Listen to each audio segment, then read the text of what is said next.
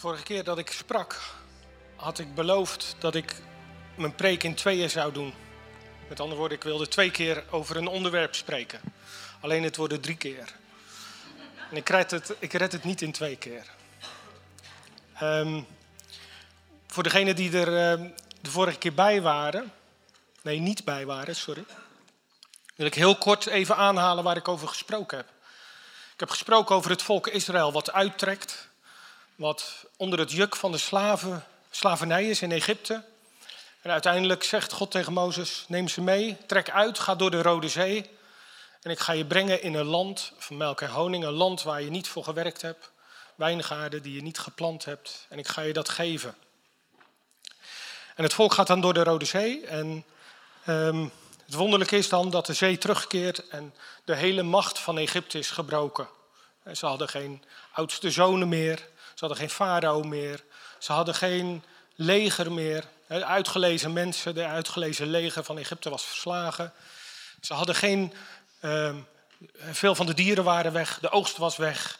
Het land was kaal, er was niks meer van Egypte over. Een wereldmacht in die tijd was volkomen met de grond gelijk gemaakt. En ik geloof dat dat staat voor wat Jezus heeft gedaan voor ons aan het kruis. Hij heeft alle machten gebroken die er waren. En er bleef er niet één over. Het volk Israël hoefde niet meer achterom te kijken hè, naar de Egyptenaren die hen achterna joegen. Maar ze, konden alleen nog, ze hoefden alleen nog vooruit te kijken naar het beloofde land wat ze beloofd was om in te nemen. Um, en toen heb ik gezegd, ja, in die vrijheid, um, daarin mogen wij leven. De macht van Egypte is gebroken. De macht van Egypte, ook in ons leven, ook in dagelijkse dingen, is gebroken. We spreken wel eens over de macht der gewoonten. En er zijn goede gewoontes in ons leven, laat dat duidelijk zijn. Maar er zijn, merk ik in mijn leven, ook wel heel veel gewoontes die minder goed zijn. En in dat opzicht um, moest ik van de week kwam er een one-liner in mijn gedachten. En die wil ik met u delen. En dat was: Je bent niet veroordeeld tot het product van je opvoeding. Nou, daar moest ik zelf heel even over nadenken. Je bent niet veroordeeld tot het product van je opvoeding. Heel veel van wat wij ervaren, wat we meemaken, hoe we reageren, hoe we tegen dingen aankijken, ja, hebben we meegekregen in die eerste Kees zegt geloof ik acht jaar, negen jaar, wat zei hij?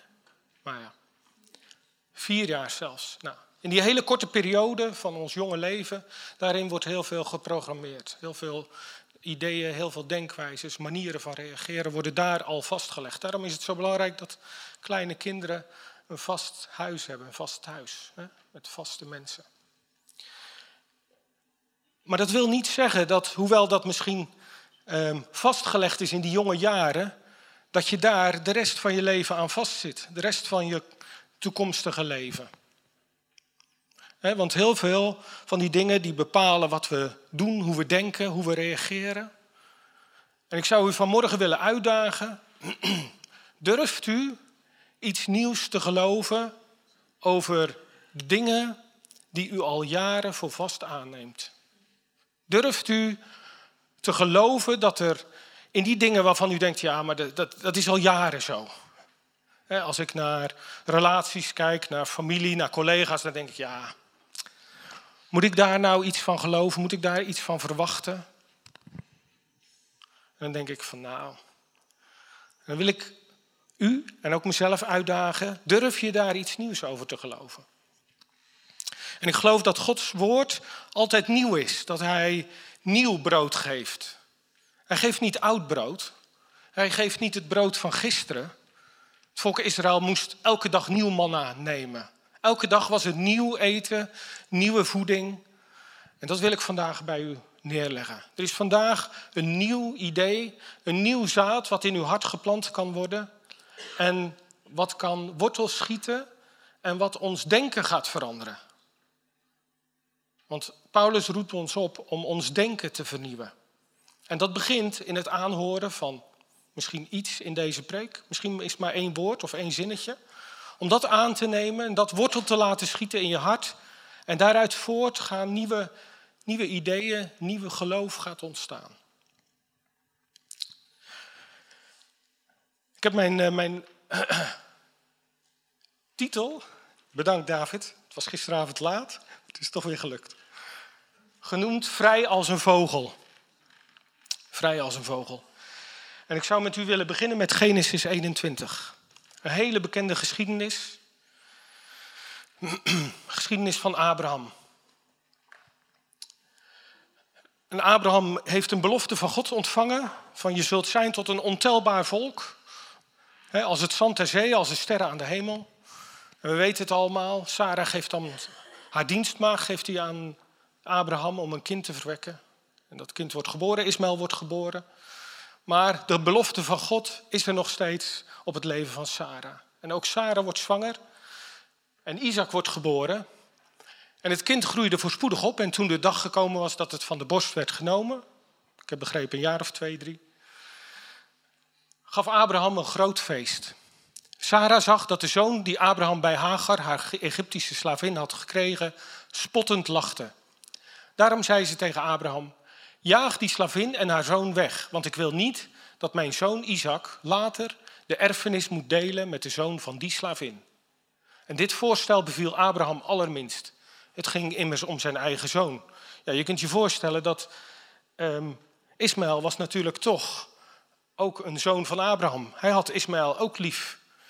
En dan vraagt Sarah hem die zoon, zijn zoon, weg te sturen.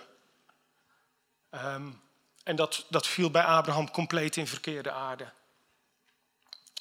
Maar dan, vers 12. Maar God zei tegen hem: Je hoeft je niet bezwaar te voelen vanwege de jongen of je slavin. Alles wat Sarah je vraagt, moet je doen, want alleen de nakomelingen van Isaac zullen gelden als jouw nageslacht. Maar ook uit de zoon van je slavin zal ik een volk doen voortkomen, omdat hij ook een kind van je is. En de volgende morgen vroeg nam Abraham brood en een zak water, legde dat op Haga's schouders, gaf haar ook het kind mee en stuurde haar weg. En ze trok de woestijn van Berseba in en doolde daar rond. Ja, een ongelooflijke geschiedenis. Twee zonen van Abraham, eentje van een jaar of 17, 18 denk ik. Een kind van twee, drie. En hij stuurt dan die jongen met zijn moeder stuurt hij weg. En het wonderlijke is dat God Abraham een een ontelbaar volk belooft. Hij belooft, je zult een zoon krijgen, hoewel dat niet meer kan. Sarah kon geen moeder meer worden, kon geen, niet meer zwanger raken. Toch belooft hij een ontelbaar volk. En Abraham handelt dan in eigen beweging, in de mens. Hij zoekt een eigen oplossing. En dan praat God met Hagar. En ik weet niet of u dat stukje van de geschiedenis ook kent. En hij belooft vrijwel letterlijk hetzelfde als wat hij over Isaac spreekt. Ook Ismaël wordt tot een ontelbaar volk. En dat is toch wonderlijk. Wonderlijk dat ondanks het ingrijpen van Abraham, en ik lees daar dan toch maar ook mijn eigen naam, mezelf, ondanks ons menselijk ingrijpen en onze laat ik zeggen, onhandige manier van doen, zegt God, maar wacht even, ik heb een belofte en ik doe mijn belofte gestand, no matter what. Ik doe wat ik heb beloofd. Want mijn beloftes zijn onherroepelijk. Daar kunnen wij, kunnen wij helemaal niets aan veranderen aan Gods beloftes. Wat hij belooft, dat doet hij. En dat doet hij onherroepelijk. Onberouwelijk is God daarin. En dat is geweldig, omdat te zien in deze geschiedenis. Maar het is wel zo dat Isaac was wel de zoon van de belofte. En Hagar was, of Ismaël was de zoon van de dienstmaagd. En als we dan lezen wat Paulus daarover zegt in Galaten, Galaten 4, dan staat daar, en u broeders en zusters, bent net als Isaac kinderen van de belofte. Dus wij worden hier geacht ook kinderen van diezelfde belofte te zijn. Met andere woorden, wij zijn ingeplant in dat geslacht van Abraham, geestelijk ingeplant. En we zijn ook onderdeel van die belofte geworden. En omdat we naar de belofte kinderen zijn van Abraham, hebben we dus helemaal geen connectie met de kinderen van het vlees, kinderen van de dienstmaagd. Daar is geen enkele verbinding mee, want we zijn naar de belofte kinderen van Abraham geworden. Maar zoals de zoon die krachtens de natuur geboren werd, de zoon vervolgd die krachtens de geest geboren werd, zo worden wij ook nu vervolgd. Het is een tussenzin naar mijn idee, waarin Paulus beschrijft dat hij eigenlijk ter verantwoording wordt geroepen door de Joden. Maar wat zegt de schrift? Jaag de slavin en haar zoon weg, want de zoon van de vrijgeboren vrouw mag niet de erfenis delen met de zoon van de slavin. Daarom dus, broeders en zusters, zijn wij geen kinderen van de slavin, maar van de vrijgeboren vrouw. Wij zijn voortgekomen uit de vrijgekomen vrouw, uit Sarah. Sarah die een volwaardige partner van Abraham was. Daaruit zijn wij voorgekomen en daar in dat geslachtslijn, in die geslachtslijn zijn wij opgenomen. Wij hebben dus geen deel, wij maken geen deel uit van het geslacht van de slavin van de dienstmaagd. En dan wilde ik graag ook vers 1 van het volgende hoofdstuk. Christus heeft ons bevrijd opdat wij in vrijheid zouden leven. Houd de stand en laat u niet opnieuw een juk opleggen. Was natuurlijk in die tijd was er een heel, een, weer een tendens onder de Galatiërs. Ook de Galaten waren geen Joden, hè, waren uit de heidenen voortgekomen, christenen uit de heidenen. En die lieten zich opnieuw besnijden. Die wilden zich laten besnijden en voldoen aan de wet van Mozes. En Paulus zegt tegen ze: Je bent vrijgemaakt. Je bent niet onderdeel van die geslachtslijn van de dienstmaagd, maar je bent onderdeel van de geslachtslijn van de vrije, van de belofte. Het volk wat uit de belofte voort is gekomen. En daarom zegt hij, laat je niet opnieuw een slavenjuk opleggen.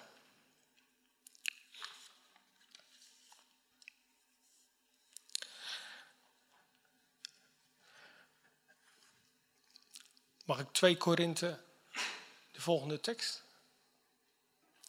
Want tot op de dag van vandaag ligt er een sluier over hun hart, telkens als de wet van Mozes wordt voorgelezen. Maar telkens als iemand zich tot de Heer wendt, wordt de sluier weggenomen.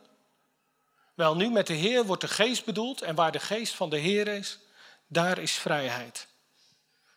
Het moment dat we een beroep doen op die wet, als we lezen uit die wet, als we willen voldoen aan de eerste beginselen, zoals Paulus dat ook noemt. Hij noemt het zelfs nog veel erger. Hij noemt het niet alleen beginselen, maar hij noemt het arme beginselen van deze wereld, dan wordt er als het ware een sluier over de ogen gelegd. Dan is er geen vrijheid.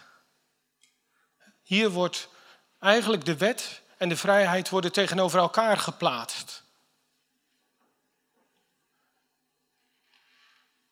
Met de Heer wordt de geest bedoeld en waar de geest van de Heer is, daar is vrijheid. En daarom, als u een kind van God bent geworden, en dat zijn we toch allemaal, dan zijn we vrij. Dan leven we in de vrijheid en worden we niet meer belast met enig gebod of verbod. En ik ga dat nog iets scherper, wil ik dat duiden. En het is in, in Colossense 2, vanaf vers 6. Wees op uw hoede en laat u niet meeslepen door holle en misleidende theorieën die op menselijke tradities zijn gebaseerd en zich richten op de machten van de wereld en niet op Christus. In de oude vertaling staat het iets sterker. Laat u niet verleiden, staat daar, door allerlei beginselen, allerlei uh, ideeën van mensen en niet naar Christus. Als we onderwezen worden, dan moeten we altijd naar Jezus gestuurd worden. Dat moet het uitgangspunt zijn van onze prediking, van alles wat we zeggen. We moeten mensen altijd leiden en sturen naar Jezus.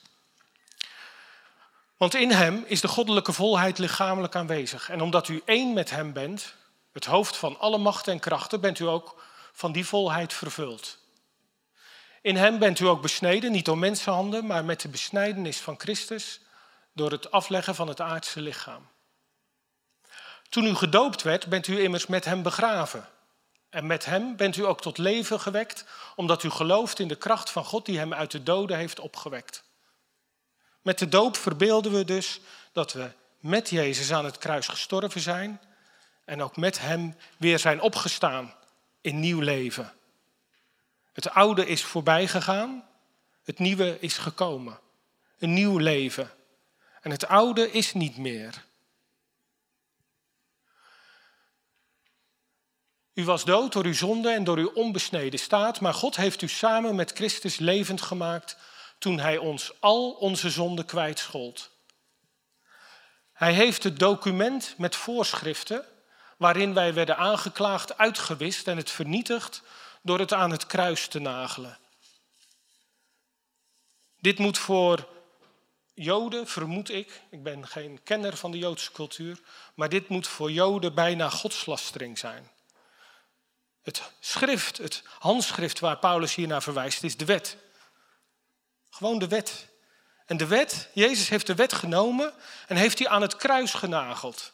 Heeft daar een einde gemaakt aan de wet van Mozes. Dat moet voor, voor rechtgeaarde Joden, moet dat, moet dat ja, ik zou haast zeggen, dat, dat, dat kan niet. Dat kunnen ze, kunnen ze niet aannemen als het ware.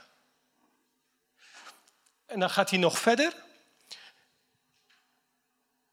Hij heeft zich ontdaan van de machten en krachten. Hij heeft hen openlijk te schande gemaakt en in Christus over hen getriomfeerd.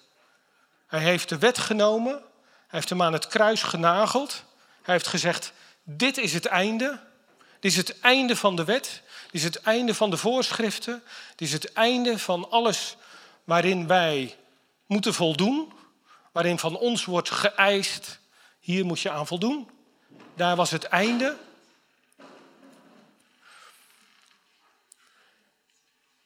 En hij heeft daarover alle machten en krachten heeft hij getriomfeerd. Daar heeft hij de macht, alle machten die er zijn in de lucht, heeft hij gebroken, verbroken. En dan gaat Paulus verder en dan zegt hij, Laat niemand u dus voorschrijven, iets voorschrijven op het gebied van eten of drinken, het vieren van feestdagen, nieuwe maan en sabbat. Als je dan gaat lezen in Leviticus, waar dat uit bestaat, de, de eetgewoontes, de drinkwetten, de drankwetten, het, de hoogtijdagen, het paascha, moet je je voorstellen dat Paulus tegen Joden zegt, joh, die feestdagen die jij elk jaar houdt, al die belangrijke dagen die je viert, die zijn niet gedaan. Die zijn aan het kruis is daar een einde aan gekomen. Ja, dat was, ik kan niet anders zeggen, dat was voor Joden is dat godslastering. Hun kern, hun basis waaruit zij leven, is de Joodse, de wet van Mozes.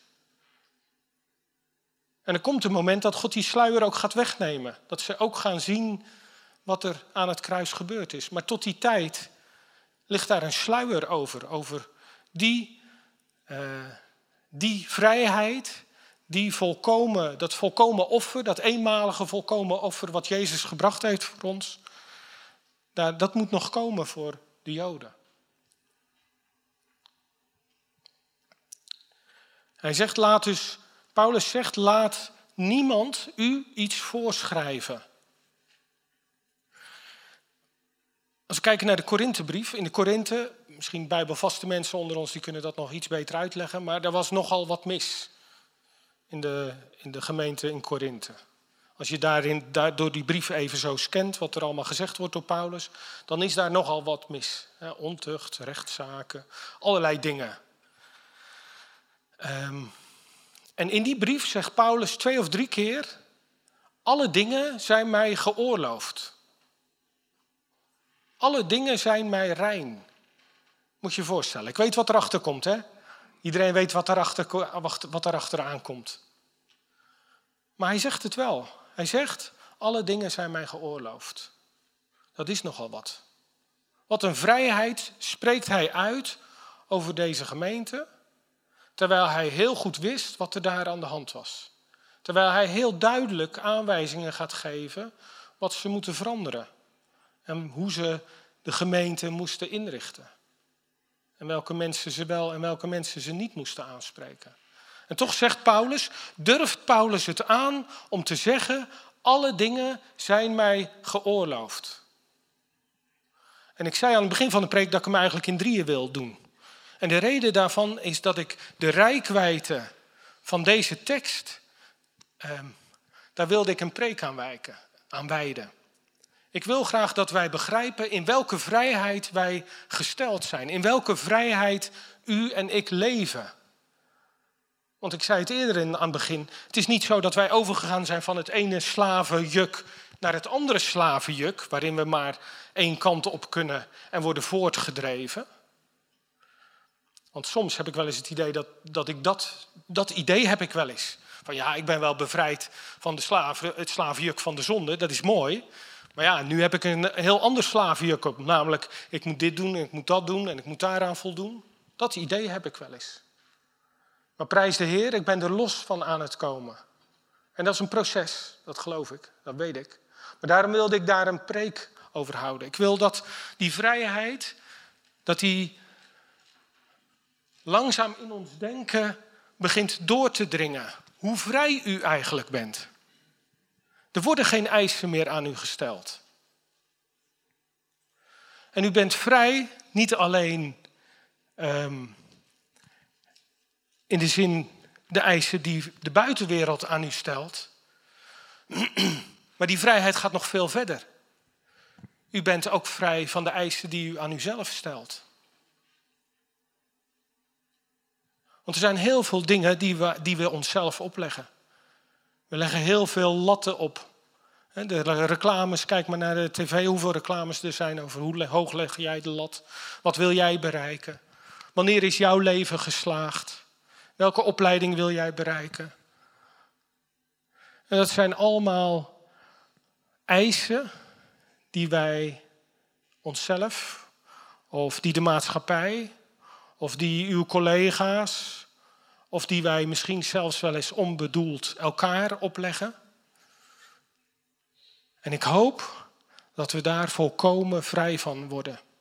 Dat die vrijheid zo sterk wordt dat we Paulus na kunnen zeggen, in Romeinen zegt hij dat, zalig degene die zichzelf niet oordeelt in hetgeen hij voor goed houdt.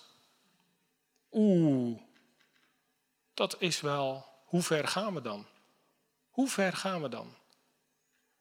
Durven we zoveel vrijheid te prediken dat we mensen hun eigen oordeel geven, hun eigen afweging, hun eigen vrijheid? Durven we dat? Of denken we van ja, maar dat is wel iets te veel vrijheid.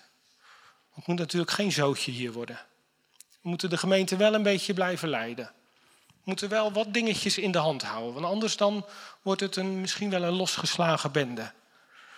Dan zou ik ons op willen roepen, vertrouwen wij op Gods geest. Want waar Gods geest is, daar is vrijheid. En Gods geest gaat ons veranderen naar zijn beeld.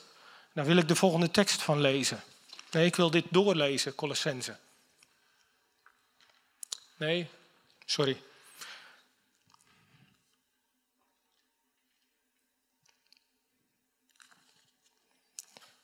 2 Korinthe, de vorige tekst.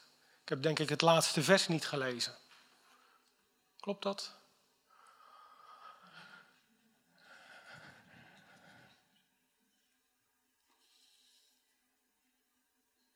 Nee. Want wij aanschouwen in een spiegel en we worden veranderd naar het beeld van degene die in ons is. God ziet ons in Christus rechtvaardig, volmaakt, volkomen. Dat beeld, dat mogen we zien op het moment dat we in de spiegel kijken. En dan worden we veranderd, van binnenuit worden we veranderd naar zijn beeld. Gaan we voldoen aan die, aan die natuur van Jezus. Die natuur van Jezus gaat in ons doorwerken. Gaat ons veranderen van binnenuit. God zegt, ik zal mijn wetten niet meer schrijven op stenen tafelen. Ze zullen niet meer zeggen van ken de. Nee, want ik ben in hun hart.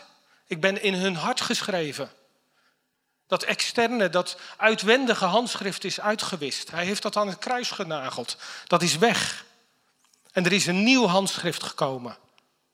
Een nieuw handschrift in uw hart en in zijn handpalm. Want in zijn handpalm is uw naam gegraveerd. In zijn handpalm is uw naam gegraveerd. En dat is het handschrift wat niet wordt uitgewist. Uw naam in zijn handpalm. En als we in die spiegel kijken, dan worden we veranderd van binnenuit naar zijn beeld. En ik geloof dat als we die vrijheid, elkaar die vrijheid en ook als we onszelf die vrijheid gunnen en toerekenen, dan worden we veranderd. Dan oordelen we onszelf niet meer, dan oordelen we elkaar niet meer, dan oordelen we de wereld niet meer. Daar hebben we soms ook wel makkelijk oordeel over, maar dat laten we ook achterwege, want in die vrijheid krijgen we steeds meer ruimte. We krijgen steeds meer ruimte voor onszelf en we creëren eigenlijk steeds meer ruimte voor die ander. En als we ruimte creëren, dan gaan we steeds meer Jezus in elkaar zien. Gaan we Jezus zien in de dingen waarin die ander aan het groeien is. Want als we ruimte geven, dan gaan we groeien. Gaan we geestelijk groeien. Veranderen we, zeker. We moeten nog steeds vernieuwd worden in ons denken. Dat geloof ik. dat is niet iets wat zo direct gebeurt. Soms wel, maar vaak moeten we het woord horen en dan worden we vernieuwd in ons denken. En dan krijgen we nieuw geloof voor situaties waar we misschien nooit geloof voor gehad hebben. Of waarvan we lang geleden besloten hebben, ja, dat verandert toch nooit. Die persoon, die buurman, die buurvrouw, die verandert nooit. Zo zit hij nou één keer in elkaar. Maar dan gaan we anders naar mensen kijken. Dan gaan we anders naar situaties kijken. En dan worden we vernieuwd van dag tot dag. En dan gaat het geloof in ons hart gaat groeien.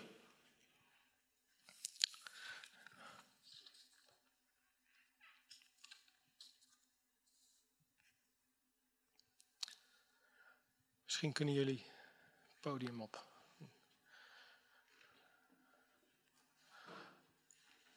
En zo zou ik u willen vragen, als er, als er dingen waar, denkt waarvan u denkt van ja, dat, dat, is, dat is voor mij een brug te ver. Of dat is iets waarin ik geen vrijheid ervaar. Dat is een situatie in mijn leven waar ik helemaal geen vrijheid ervaar of waarin ik helemaal niet vrij ben. Voel je dan vrij om te komen of om niet te komen? Maar voel je vrij om te komen, dan bidden we daarvoor. Dan gaan we vrijheid over die situatie uitspreken. Dan gaan we het brengen, als dat de macht is, dan gaan we het brengen onder Jezus bloed. En dan gaat Hij verandering daarin teweeg brengen. Dat geloof ik. Want God is een God van trouw. Hij laat niet los hij breekt niet in, maar hij zegt wel, kom maar bij mij. Kom maar en dan ga ik je daar doorheen helpen. Ga ik machten verbreken, dan ga ik je nieuwe visie geven. En aarzel niet om ermee te komen. We zijn bereid om met u te bidden of te spreken, maar aarzel niet om te komen.